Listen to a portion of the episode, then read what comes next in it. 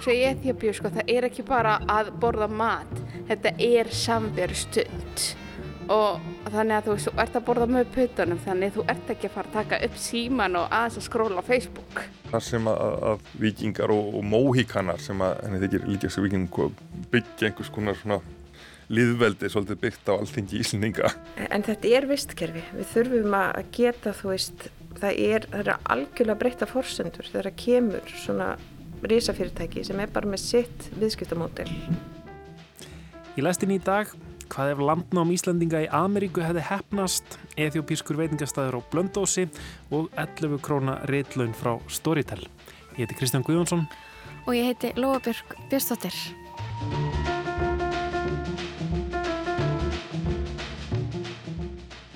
Allir Íslandingar vita að Leifur Heppni fann Ameríku sildið þangað í kringum 1000 og norrænir menn stopnuðu þar nýlendu í kjölfærið. Þetta landnám var reyndar frekar skamlíft en það lendi innflyndundunum saman við þá sem fyrir voru í landinu. En hvað ef þetta landnám hefði hefnast? Hefður norrænir menn einangrað sig á nýfunnalandi eða hefur blandast frumbyggjum álfunar eða, eða bara tekið yfir? Við pælum í þessu með Val Gunnarsinni, sagfræðingi og reytöfundi sem sendi nú að dögunum frá sér bók, um, svona hvað ef sagfræðiritt sem, sem að nefnist What if Vikings conquered the world? Svo ætlum við að kynna okkur matarmenningu Eþjópíu. Við höldum ekki til Addis Ababa, heldur fyrir við á Blöndós. Þar sem Lía Írka Behaka rekur veitingastæðin Teni. Heiða Viðdís Sigfurstóttir kíkir ofan í pottana hjá Líu. En áður en við höldum til Eþjópíu í gegnum Blöndós og áður en við förum aftur í tíman með Val Gunnarsinni, þá ætlum við að velta fyrir okkur stöðu reytöfunda á tímum Storytel.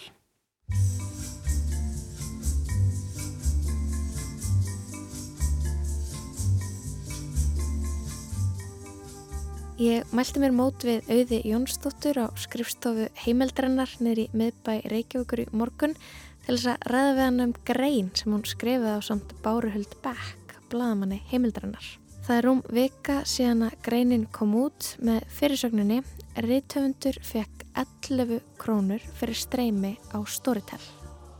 Í greininni er rætt við formann Ríðtöfundasambandsins Margreti Tryggvadóttur Rittöfundana Sigriði Hagalín og Fríðu Ísberg, formann félags íslenskra bókaútgefanda Heiðar Inga Svansson og framkvæmdastjóra Storytel á Íslandi, Lísu Björg Óskarsdóttur. Til þess að fá sem skýrasta mynd af stöðu bókaútgáfu á Íslandi og áhrif streymisveitunar Storytel á hana. Við auður blöðum í greininni og ræðum intakennar.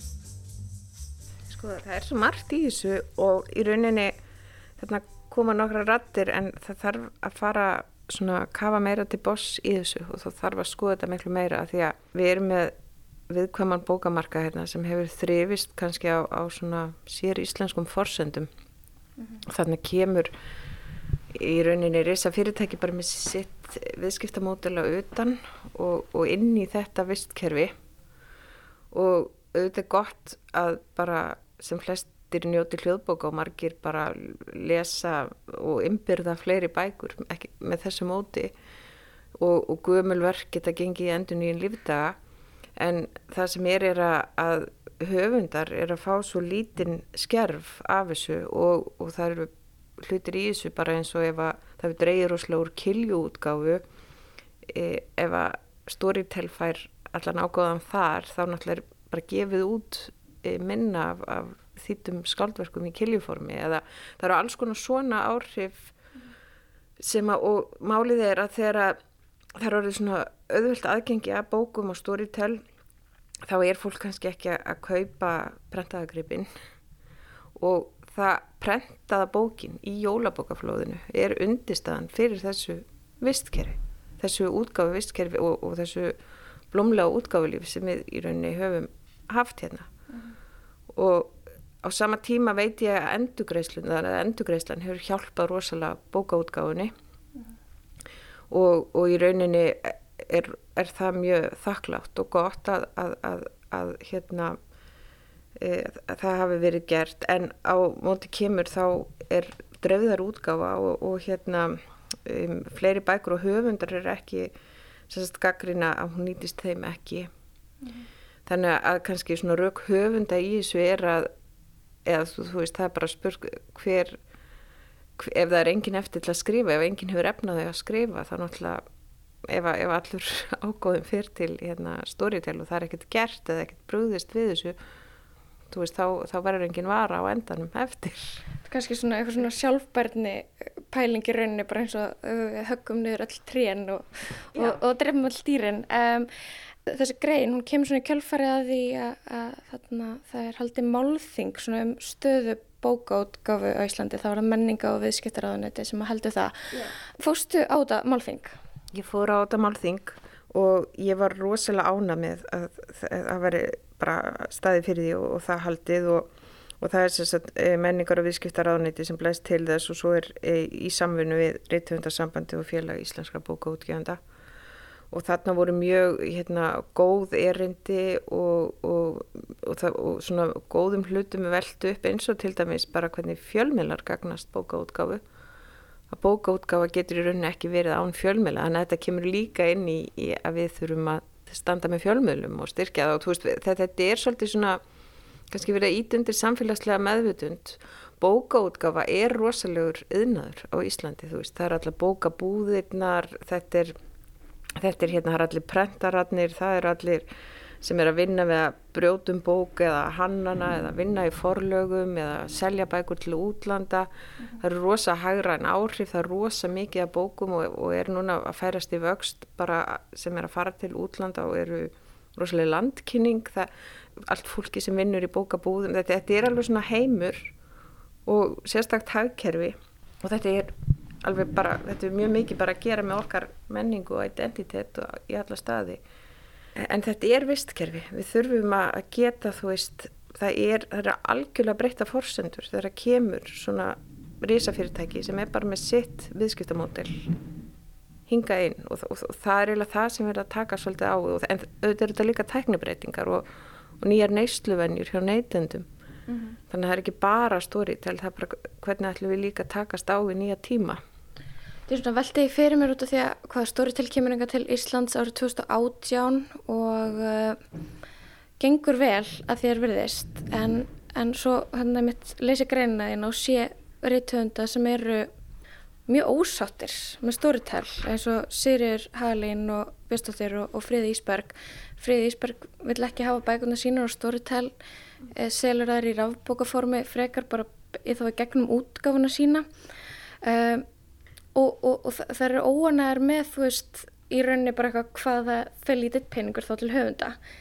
Mér finnst það svo áhugavert út af því að það, það var komin reynsla á þetta hjá tónlistamennum uh, fyrr, þú veist, Spotify er löngu komið og, og við erum löngu búin að reyka okkur á að bara eitthvað að, að þetta er ræðilegt tekjumódel fyrir uh, tónlistafólk og, og er rauninni bara eitthvað neginn þægilegt fyrir neytandan og jafnvel kannski ekki einu svona næs fyrir neytandan er það þín tilfinningar reytöndur hafi verið uh, uggandi ef við komum stóri tæli að tekið fagnandi og, og séu núna að sjá uh, að þeir eru kannski ekki til í þetta þannig að ég, ég er að velta þessu fyrir mér Ég held að reytjöndar svo ég hérna, sleppi, sleppi að verið svolítið klúles eða græskuleysir mm. þú veist þetta, þetta kemur inn og þetta tekur fljótt e, mikið plás og, og, og svona svo er það í aðlir í töfundarins að vera bara alltaf gladur ef einhver vil fá verkið.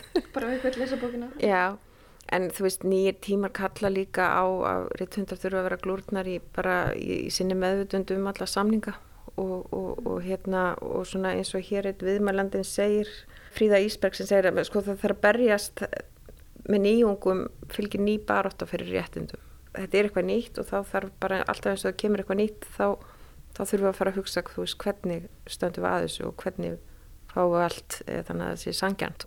Mér finnst þetta að vera svona í fyrsta skipti þar sem að ég kemur auðvitað á bara þarna við ætlum að gaggrina stóritel mm.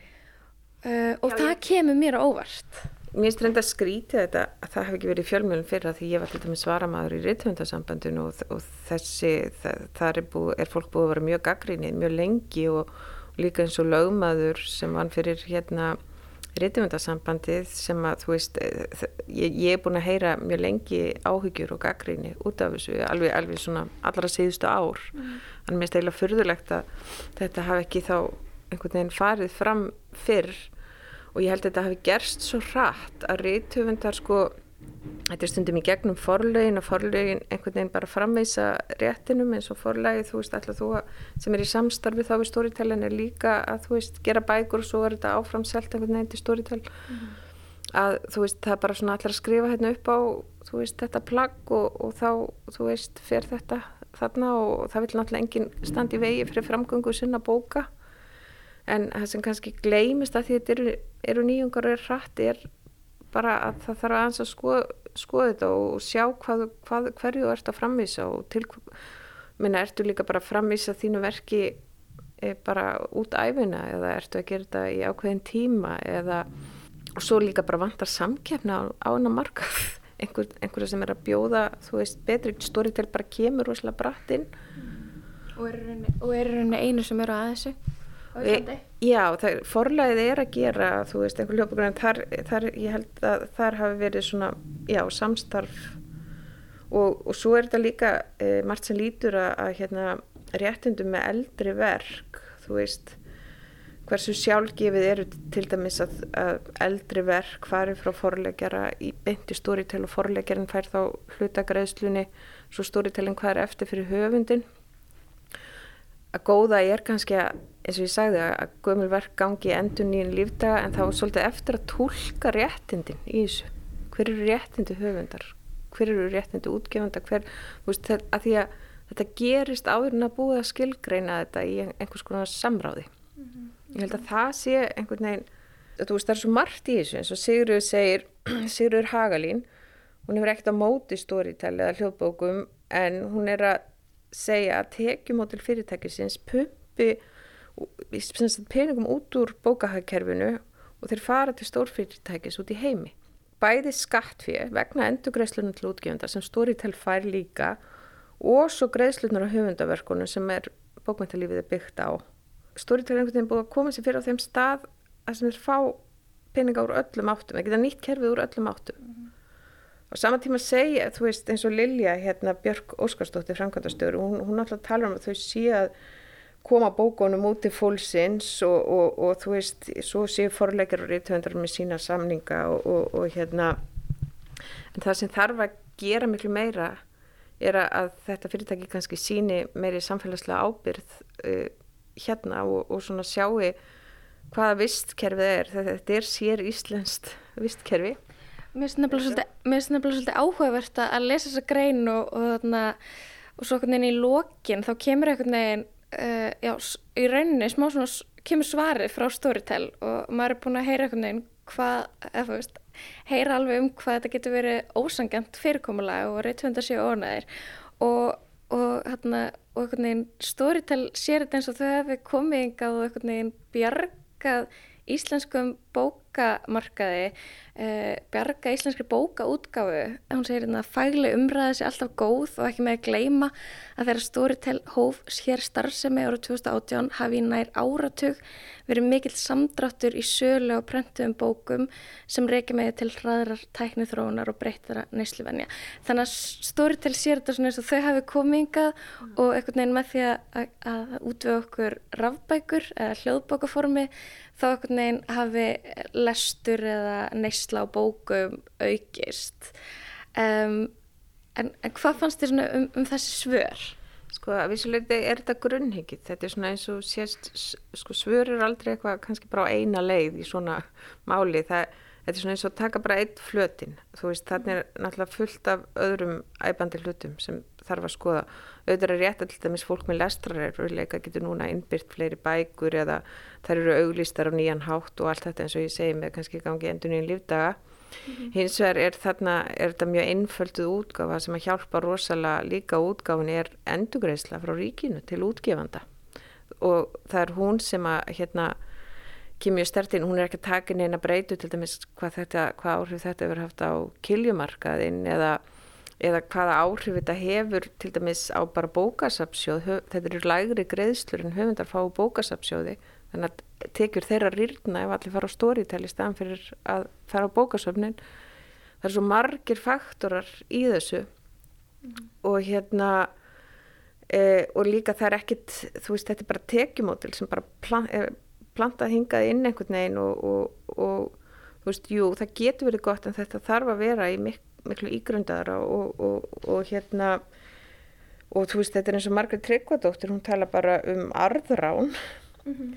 að hérna eins og sé hérna staðið að þessu uh, núna hún segir sko að það hef ekki verið bóði fyrir RSI að hérna sitja við e, samningaborðið því að sko í flestum tilfellum semja fyrirtækin án allrar aðkomi höfunda. Það er sem sagt eins og forleikjarar og stóriðtæl og hún segir að þau hafa aldrei sér samninga millir stóriðtæl og bókaútgefund og þess vegna séu rúslega erfitt að gaggrina atrið og þú veist þetta er náttúrulega bara algjör skortur og gagsægi bara RSI gaggrina harlega hversu lítið kemur hlut höfunda og legst það upp aðeins sem þau sé fyrir streymi er 11 krónur. Og mjög algengt að sé undir 100 krónum. Og það er miklu minna en það er semst tölvurt undir því sem þetta að fá fyrir hvert útlána bókasöfnum sem eru samt málamyndagreðslur og þess vegna segir hún að það sé ekki hægt að kalla þetta neitt annað en arðarán mm -hmm. þannig að þetta náttúrulega, þú veist, þetta vantar allt inn í, í málflutning frangvændastjórans að þetta er svo margir aðri fletir, þú veist, auðvitað er eftir að sjá já hvað hluti við það en það eru líka með krítiski hluti sem geta bara reynilega vegið að undirstöðum bókaútgáfu á Íslandi ef enginn hefur efna á að skrifa mm -hmm. og það er eins og heiðaringi hann sem er eh, formadur íslenska bókaútgefunda að hann segir að hérna sagt, þessi frum útgáfa á bókum í þessi hérna visskerfi bókamarkaðarins er drifið áfram á sölu á nýjum prentuð bókum í þessu sér íslenska jólabókaflóði. Mm og sem sagt það er þetta æðakerfi, fjárhagslega æðakerfi útgjöfanda og höfunda. En þetta náttúrulega er rosalegt rask inn í, inn í þetta æðakerfi og, og getur mjög öll að raska jafnvægi þess ef að vægi jólabakaflóðsins mingar og mikið getur þú veist það bara tekið grunnstóðir undan bókaútgafa á Íslandi. Og Storytel er að treysta á að mestleita á sölu afleitra útgafuverka svo er það hins vegar þessi prentabók sem kemur út fyrir jólinn þarna er sko þarna fyrir einhver tekus, tekuskipting milli höfunda og útgefunda sem er núna þú veist, bæð út af þessum tæknibreitingum út af, þú veist, breytum með vennjum, þetta allt í nýra þessi hefðu öll í uppnámi. Mm -hmm. það er eiginlega það sem er og þá þarf að grýpa inn í og þetta kemur ekki bara, þú veist, höndum við þetta er líka grundvöldu bókabúða, ég menna það er kraftaverk bara Eymundsson-búðunar hafi þrifist hér ringin í kringu landið og allt en þetta er, þetta er miklu stærri mynd en bara það einhver sitt í heimhjóðsir og skrifa og fá 11 krónum fyrir streymið. Við erum alveg að tala um fólk sem vinnur í bókafólum, fólk sem vinnur í, í hérna, bókabúðum fólk sem vinnur við að gera bækur.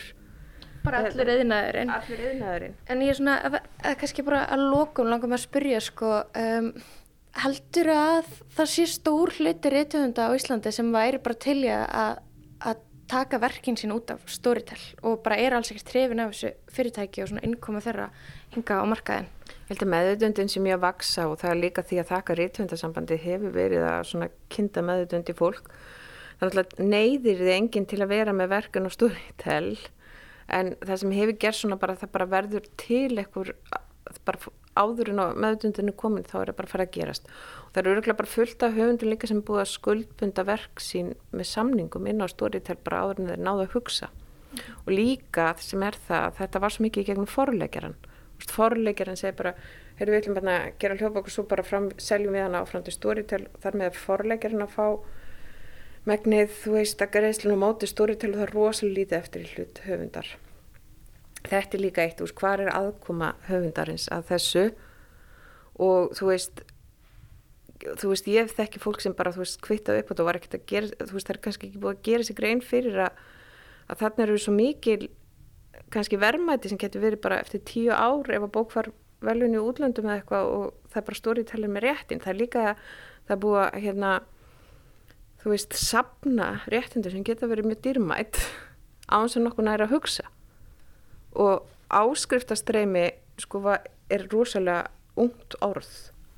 Og það sem hefur líka verið gert að, forlög hafa í rauninu svolítið eigna sér réttin tökum bara til dæmis forlagið og hérna þegar stóð til að sameina forlægið og Storytel að þá var svona eins og tólkunin væri að þar með færi rosalegt höfundaverk í eign forlagsins yfir til Storytel.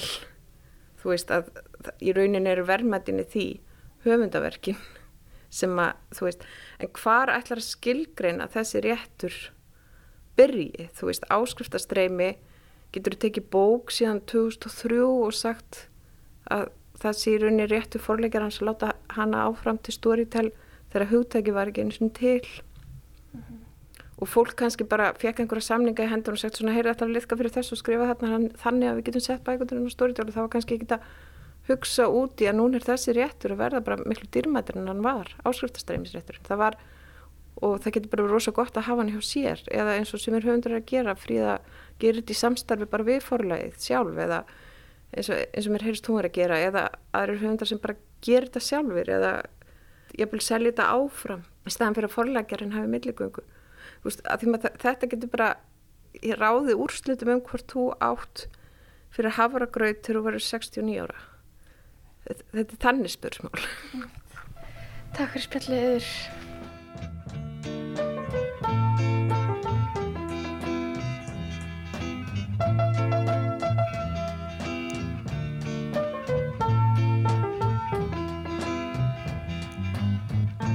در میونه دو تو چشمون قشنگه لونه کرده شب تو موهای سیاه Læði góli akk með Kúros Jagmi, íransk tónlist. Ég spjallaði þar undan við auði Jónsdóttur, Rittvönd og Bladamann hjá heimildinni um já, stöðu bókaútgáfa á Íslandi hérna eftir að Storytel kom til landsins.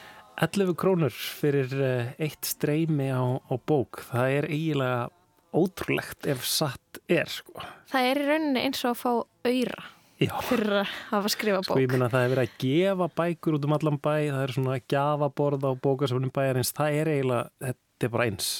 Já þetta er eins sko, en þetta er í rauninni, þessar 11 krónur eru svona eins og einhver alltaf að borga þér með því að perla fyrir þig litla stjörnu og ströyjana og gefa þér það. Veist, þetta er bara, þessi tala hún er einhvern veginn hún gjör samlega að það er ekkert. Hún er eiginlega niðurlegandi já, hún er niðurlegandi, þetta er raunni, betra að fá heimagert perl. Ég held það. Ég held það, en uh, við ætlum að halda næst á Blönduós uh, og smakka ethiopískan mat. Heiðavítis Sigfúrsdóttir er næst með Suðupottin. Svo í Eþjópiu sko það er ekki bara að borða mat, þetta er samveru stund og þannig að þú veist, þú ert að borða með puttunum þannig þú ert ekki að fara að taka upp síman og aðeins að skróla á Facebook.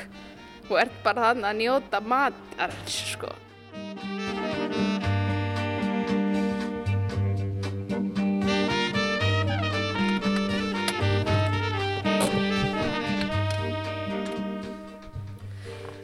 Ég er komin hérna á Blöndós, búin að leggja bílnum fyrir utan tenni í restaurant.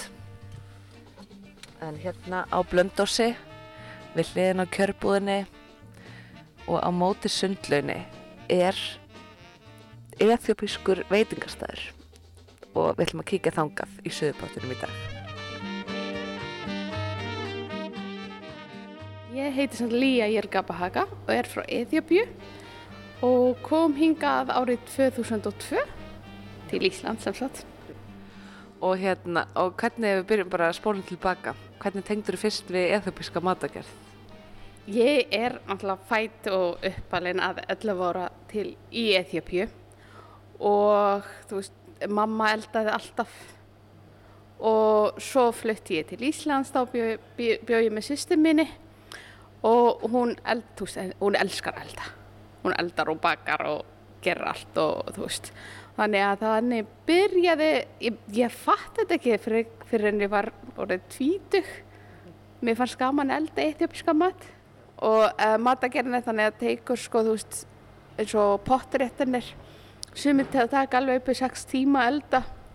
Það er það þú veist við nótum lauk svolítið mikið og það var gert svona grunninn sko hún er hæ elduð þannig að maður brennur sér ekki mikið á kryddunum. Þannig kryddið sé elduð alveg svo að það sé ekki að loga manni sko. Aðal kryddblandan er berberi og því er aðstæðan hérna kajanpipar og svo eru samt yfir tíu mismunandi krydd í því. Og þannig að þú veist, á er það bara svona að maður er að pæla að reyna að fatta hvað krydd er sko, þú veist, þetta er pínu parti í munn og manni sko, það er svolítið mikið að gerast og þetta er, skemmtilegt.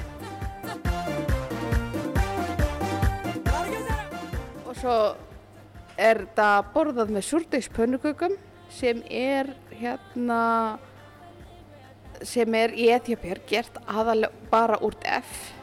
Og það er sem sagt að F er minnstakorn í heimi og er glutenfrí en því miður það er svolítið erfitt að fá þetta hér á Íslandi þannig við erum komið okkar eigin uppskrift til að búa til svona eins svip og getur nálægt og getur verið hérna, þú veist, indjara eðubísku og hérna og við búum til bara hér á staðinum og þetta er náttúrulegt gerjun, súrdeg og er þetta bakað. Og svo er borðað með því. Þannig að eðipsku matur er ekki, puta, hérna, ekki með, borðað með nývapör heldur er nota pönugugunar til að borða með. Þannig að þetta er putamatur. Og hvernig er svona að nálgast þennan bragðheim á Íslandi, krydd og annað slikt? Að nálgast kryddin á Íslandi það er alltaf ekki hægt. Að þetta er sérstaklega blanda sem er bara ekki til hér.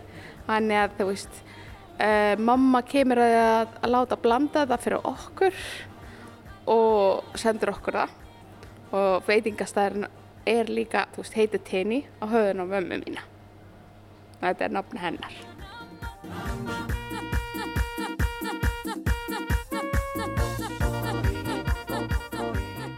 Hvernig finnst þér Íslandingar taka þessum bræðheim sem byður upp að hérna á tenni?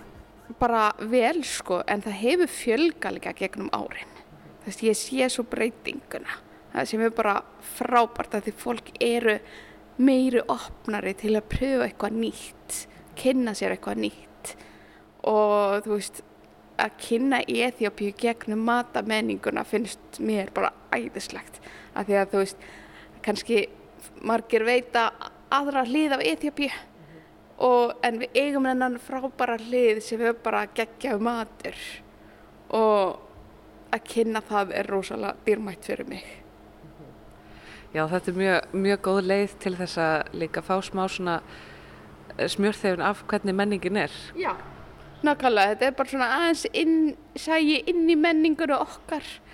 Og þú veist eins og matinn, sko það er ekki, eins og í Eþjópíu, sko það er ekki bara að borða mat. Þetta er samveru stund og þannig að þú veist, þú ert að borða með putunum þannig þú ert ekki að fara að taka upp síman og aðeins að skróla á Facebook þú ert bara þannig að njóta mat alls, sko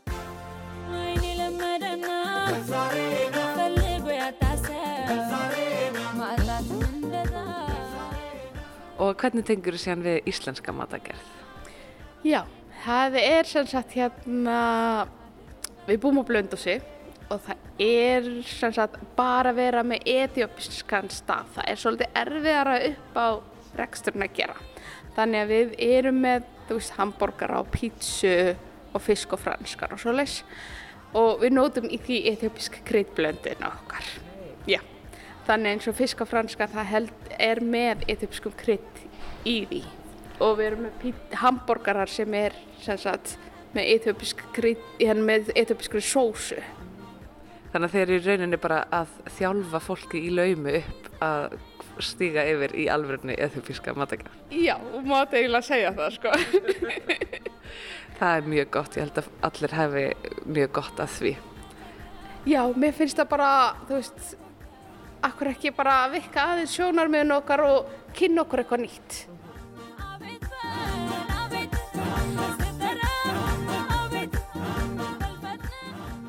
Ef við kannski að kíkja þess inn í eldús. Já, gerum það. Já. Já, hérna erum við að baka súrdegsbönugökunar sem við nótum að svo til að borða með í alls konar sósu. Og við erum með sem sagt hérna græmiti sem sagt hérna rétt belgbönur og gulrætur og steikjum þá með hérna lauk og engifer og hvítlauk steikt á pönnu. Það er notað, þú veist það er það réttur. Svo erum hérna lambamildan rétt Mm. mhm Hann lykta mjög vel. Þetta er með turmeri, hvítlauk og engifer og chili. Hann er ekki sterkur og rosmarin reyndar. Hann er ekkert sterkur, hann er mjög mildur að því að þú veist, margir halda bara eitt upp sko mat sé bara sterkur matur en það er það ekki, það er hægt að fá sér mildar rétt og, og svo erum við vegan réttir líka. Hérna eru til dæmis með hérna gulla bönir en ekki mægisbönir. Mm. Heldur þú svona saltkjöt og bönir bönir? Já, akkurat. Ég útskýra rosalega oft fyrir fólk þannig og þetta er bara maturreit með, þú veist, hvítlaug, engifer, turmerik og chili. Er það sem sagt þannig með chili eða ef þú eldaði lengi að þá verður það mildara? Já, þetta er sko, þú veist, ef þú eldar hann, þú veist, eins og kajapiparinn, kryddin sko, ef þú eldar hann sem sagt hérna lægum hita og hægt, þá er hann ekki að brenna, heldur hann svona aðeins bara tónar niður pínu og þú veist að því að um ef þú eldar hann að háum hitastrák þá brennur hann og hann verður bara sterkur. Og þá kannski fer bragðið í burtu og skilur bara eld eftir? Já, ég, ég má segja það, ég hef alveg lent í því sko, ef ég með háan hita þá bara brennur þú chilið og þá bara bræðið farin en þú ert með rosalega sterkan mat. Þannig að þá bara brennur fyrst chiliin og svo brenna inneblinn. Já, þannig sé. Já. Og þetta er þetta hérna leirmunir frá, uh, eða keramik frá Eþipíu. Já, þetta eru hérna, já, við notum þetta sem sagt í mismunandi réttir, svo eru við með svona, hvað heit, þetta heitir mesop í Eþjópíu og þá er sem sagt hérna réttin sem maður deilir og settur, þú veist, á bakka og sett á það og bóru fram þannig. Já, þetta er í rauninni, þetta er svona karfa með, með loki sem er svolítið eins og í læginu eins og svona Mexikoa sombrero. Já, já. Og þið setið sér satt uh, pönnukökuna onni þetta. Uh, sko við setjum pönnukökuna á bakka svo bakkan fyrir onni þetta svo er raðað mismunandi rétt á bakkan og svo lokað og borið fram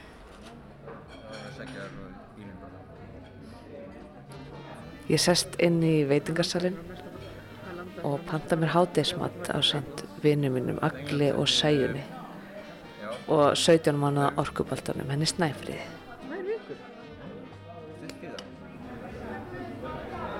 Við erum hérna með stóran platta með þessu alls konar dýrindis í þetta buskum réttum. Já, þetta er sem sagt rastasen og þetta eru fimm réttir saman og þetta er bæði svona rauðar linsubönir og bönir matið í mildri turmeriksósu, svo eru kjúklingur hérna í miðjunni og ostur með. Og svo er eins og í hefbundinni ethiopískri matagerð þá er svona pönnukaka undir og maður rýfur pönnukökuna og borðar þetta með höndunum sem er mjög skemmtileg upplifun. Tek hérna með fingrunum bita af pönnukökunni og fyll hérna af svona bönum, þessum bönum eins og í hérna salkjöta bönir bönum, kásu og það er ostur og... Mm. Mm, mm, mm, mm. Snæfrýr, hvernig finnst þér þessi matur? Hvernig finnst þér? Hvernig finnst þér? Já, hún vill bara borða mikrofónin.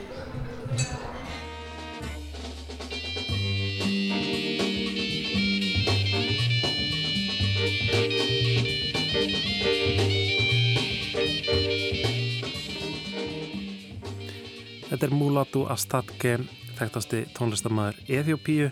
Heiðavíti Sigfúsdóttir rætti við Líu Jirka Behaka sem að rekur veitingastæðin Teni á Blönduósi.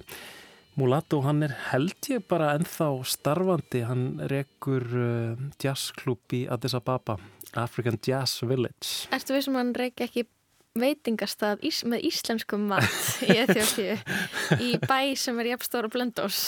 Stannuvis. Já, það væri kannski hérna, flott að vera með svona blöndu ósískan veitingastaf mm -hmm. í Addis. Það væri Einhvern geggjað. veginn snúa þessu við. En uh, við ætlum að halda aftur í tíman.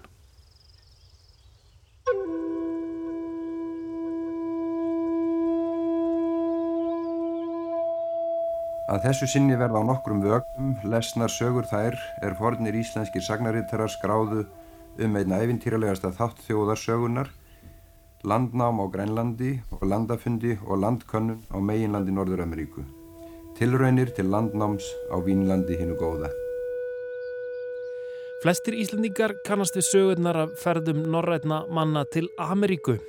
Einsagan segir að mannanafni Bjarnar Herjólfsson hafi borið af leið frá Íslandi á leið til Grænlands og fundið þar þrjú ókunnug lönd. Önnur saga segir að það hafi verið Leifur Heppni Eiríksson sem rakst á löndin þrjú, Helluland, Markland og Vínland.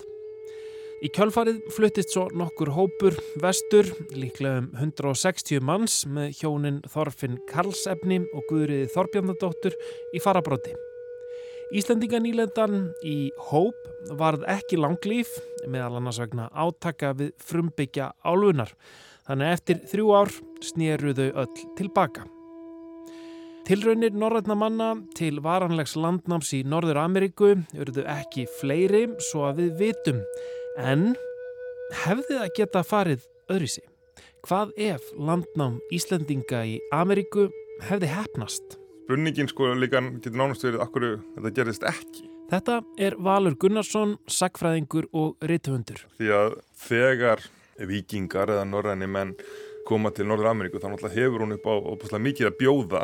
Vangaveltur um landnám Íslendinga í Norður Ameríku eru meðal sagfræði pælingana í nýjútkominni bók Vals What if Vikings had conquered the world? Samt átta svo kallara valsagna, sagfræði pælinga, ekki um það sem varð, heldur það sem hefði geta orðið.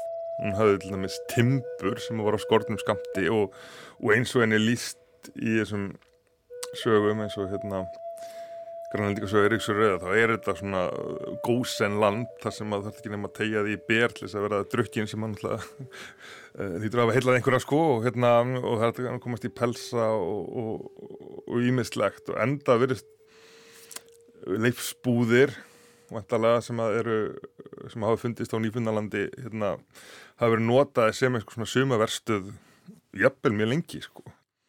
Og það eru heimildir, íslenskar heimildir frá því að, að menn sé að sigla frá Grænlandi til nú er Kanada alveg til 1346 til þess að, að segja sér timbur. En það var hans vegar sko langt ferðarlega, það tók þrjár vikur hvora leið, sex vikur fram og tilbaka og sömurinn á Grænlandi eru stutt og það eru mikilvægt að nýta þau í að safna vistum, sko, þannig að þetta er svolítið mikil mikil vinna sem fer í að ná í þetta timbur. En, hérna, en þetta veitum við núna að það eru silt beint yfir þá að það getur ekki maður þrjár vikur. Og frekaldur en sex með frá ströndum. Þannig að það ef þú leiðið uppgötast þá hefur þetta kannski orðið einfaldara. Ég held að það verið ímislegt sem að geta dreigið menn vestur á bóin en það sem kannski vantaði var eitthvað sem að ítti mönnum frá heima London. Bara eins og saga Íslands er oftast sögð sem er réttið ekki þá var annars var nýbúðu uppgöta Ísland en hins vegar þá var, voru þess að deilur kringum Harald Hárfara og borgarastrið og þeir sem töpuðu flutt til Íslands. Einhver leið rétt held hana. Mm -hmm. og hérna, þannig að það þurfti eitthvað að íta þeim út úr Noregi til þess að þeir legði í þetta glabræði sem það var að flytja til Íslands. Og svo með leiðis þegar að menn flytja hérna til Grænlands þá er það fyrst Eiríkur Rauði sem er gerur útlægur þá til Grænlands, síðan kemur hann aftur og það er búin að, búin að vera hungusneið á Íslandi þannig að fólk tekur á skarið og tekur stökkið í að fara annarnum og lúti í óvísuna Í Brattahlíð hófust miklar umræður að menn skildu leita Vínlandsins góða og var sagt að þanga myndi vera vitja góðra landskosta. Og þar kom að Karlsefni og Snorri byggu skipsitt að leita landsins um vorið. Til þess að gera þessa sviðsmynd aðeins mögulegri þá uh, breyti ég og helst ef maður ætlar að, að skoða eitthvað þá má maður ekki breyta nema einum hlut. Af því að ef þú byrjar bara að breyta allan tíman þá náttúrulega þú veist þá getur hvað sem er gert en þú verður að breyta einhverjum einum hlut, einhverjum einum atbyrði sem að síðan hefur afleggingar uh, og, og sá atbyrði sem ég breyti er kristnitakan á Íslandi. Vegna þess að hún eins og hún var uh, var umverulega það sem umverulega gerðist er miklu ótrúleira heldur en aðrir möguleikar. Við vitum hvernig Noregu kristnaðist og hvernig hérna ég flest lönd uh, kristnuðist og þá er það einhver kongur sem tekur á sig að kristna almúan til þess að ebla konungsvaldið og, og, og þetta er oftast gert með miklum með eldi og brennistinni sko og, og miklum hérna hamförum og fjöldamorðum.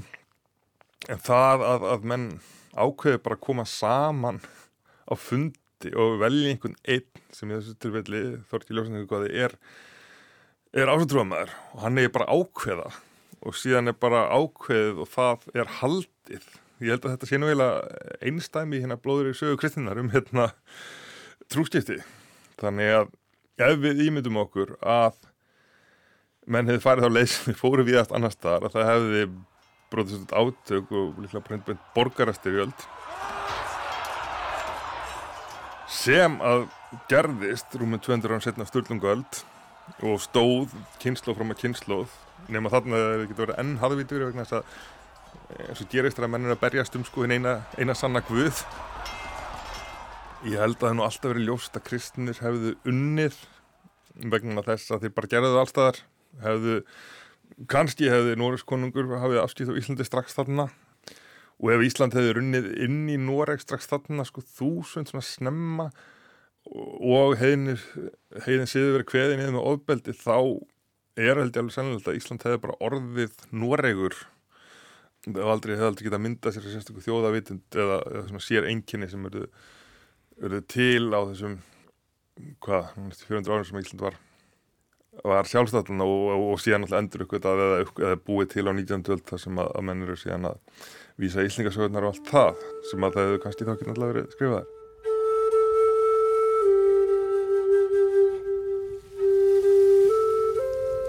Þeir hafðu alls fjóra tígu manna og hundrað er þeir síldu til vestribyggðar og þaðan til bjarnæjar.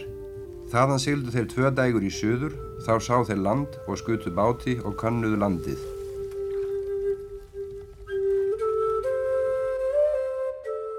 Hvað mun þetta hafa að teikna? Snorrið Þorbrandsson svaraði honum. Vera kann að þetta sé fríðarmark og tökum skjöld kvítan og berjum í móti. Og svo gerðu þeir. Þá reru þeir í mót og undruðust þá sem fyrir voru og genga á land upp. Þeir voru svartir menn og yllilegir og höfðu yllt hára á höfði.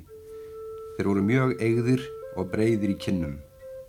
Dvöldust þeir á stund og undruðust þá sem fyrir voru og réru síðan í brott og söður fyrir nesið.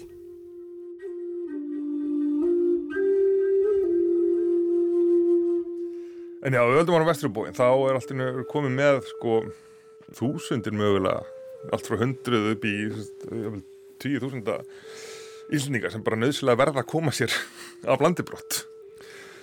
Og það, þeir hefðu svo sem getað farið til Breitlandsegið eða eitthvað eins og gerði en, en stundum, en, en það var nú kannski ekki mikið af, af að landi á lausu þá var nú ekki pláss fyrir marga viðbúti Grænlandi sem voru nú alveg hérna, viðistu mörg en uh, Leifur Heppni hafði þá kristna Grænland samkvæmt hérna Eiríksur Rauð þannig að spurning hvort að þeir hefðu verið bóðinu velkomni þangað hvort þeir voru reknir í burtu sem, sem vildrúamenn en, en að því þetta gerist viltu til bæði sama ár samkvæmt sögunum árið þúsund þá uh, er, getur maður ímyndið sér að, að menn hefur bara einfallega hægt af þessu landi og silt áfram sko.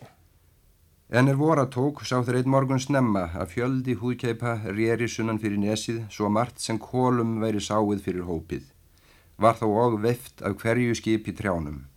Þeir kalsefni brúðu þá skjöldum upp og er þeir fundust tóku þeir kaupstefnu sín á milli og vildi það fólk helst hafa raukt skrúð. Þeir höfðu mótið að gefa skinnavöru og algra á skinn.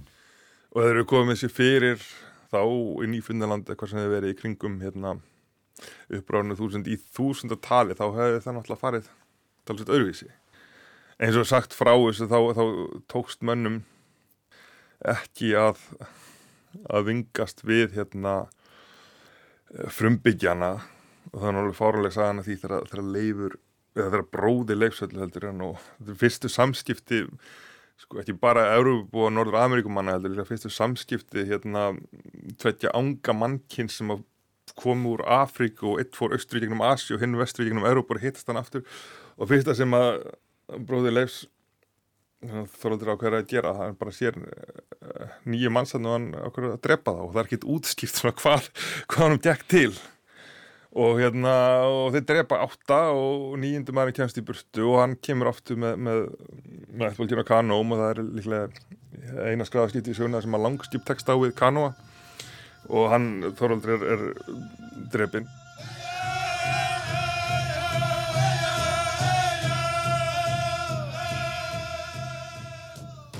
Skrælingar hlupu af skipum og síðan gengu þeir saman og börðust. Var þar skotríð hörð því að skrælingar höfðu valslöngur. Það sá þeir kalsefni að skrælingar færðu upp á stöng, knött stundar mikinn, þvínar til að jafna sem sögðarvömb og helst bláan að lit og flegðu af stönginni upp á landið yfir lið þeirra kalsefnis og let íllilega við þar sem niður kom. Við þetta sló ótta miklum á kalsefni og allt lið hans svo að þá fýsti einskis annars en flýja og halda undan upp með ánni því að þeim þótti lið skrælinga drífa að sér öllum megin og létta í fyrir en þeir koma til hamra nokkura og veittu þar viðtöku harða.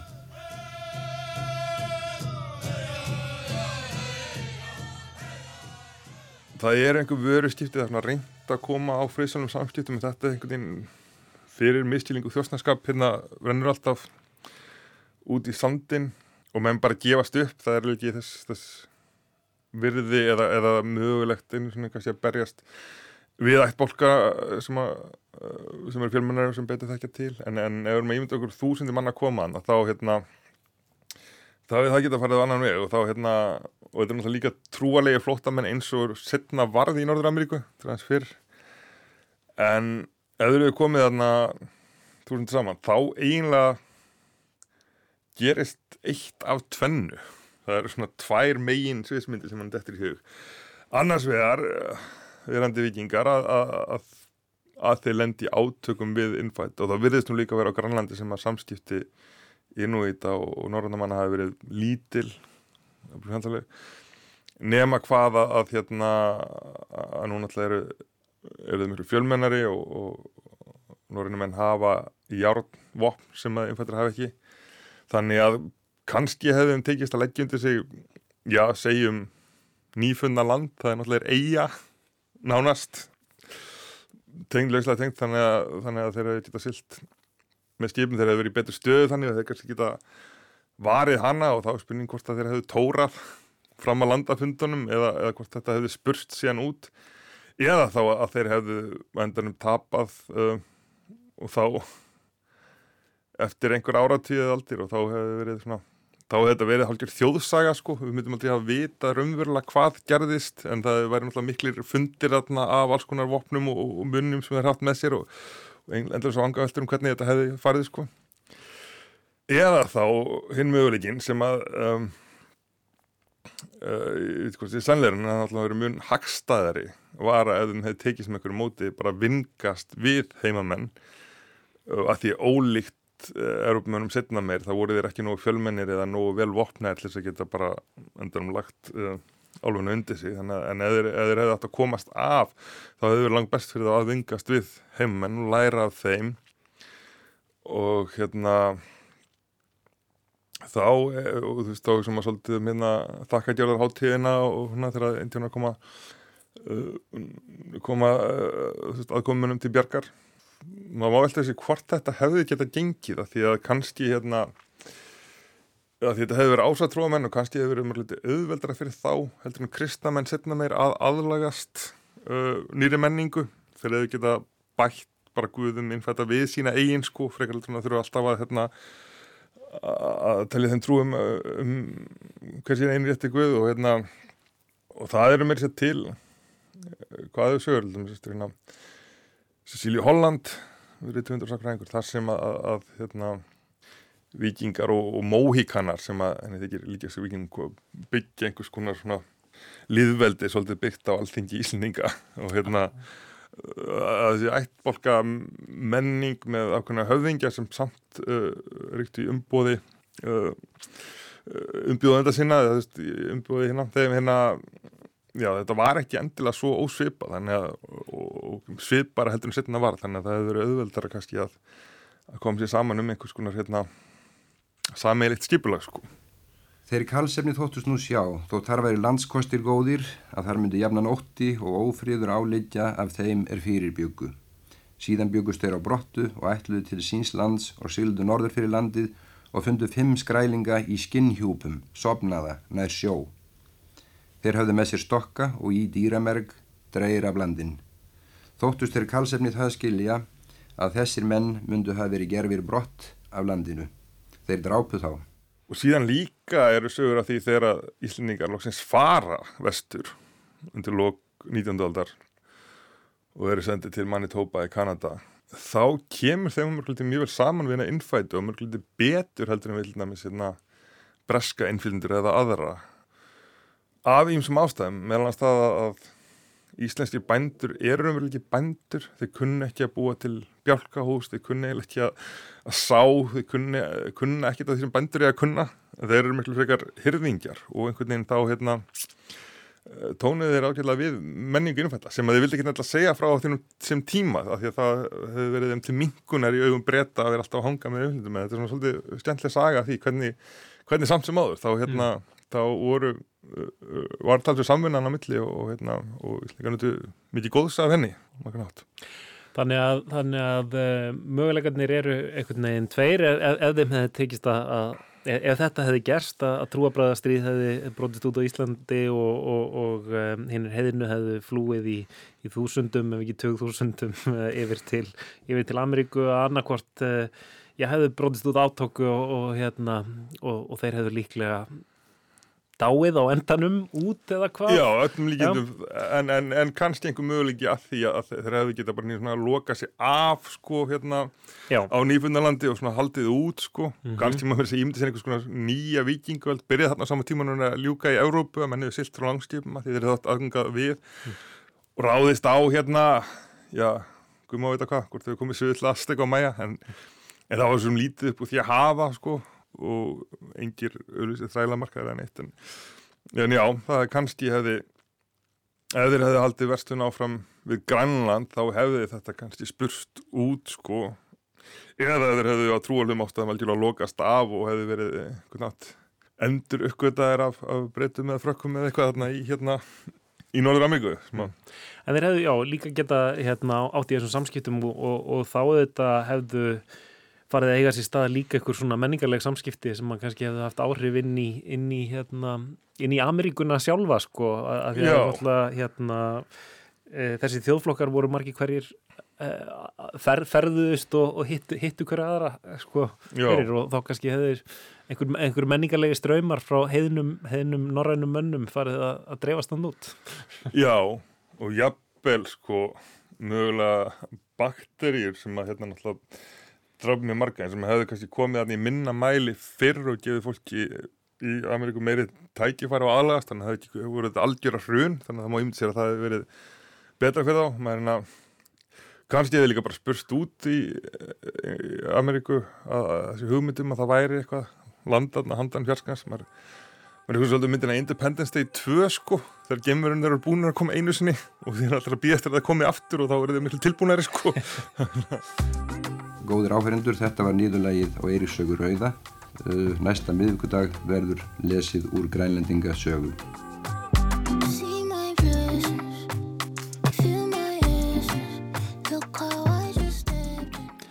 Það var Valur Gunnarsson, sakfræðingur og rítuðundur sem að rækti söguna af því sem hefði geta gerst ef eh, Íslandinga nýlendan í Ameríku hefði lifað af, hann var að gefa út bókina What if Vikings had conquered the world, um, hvað ef sögur uh, um Ísland og, og norræna sögu?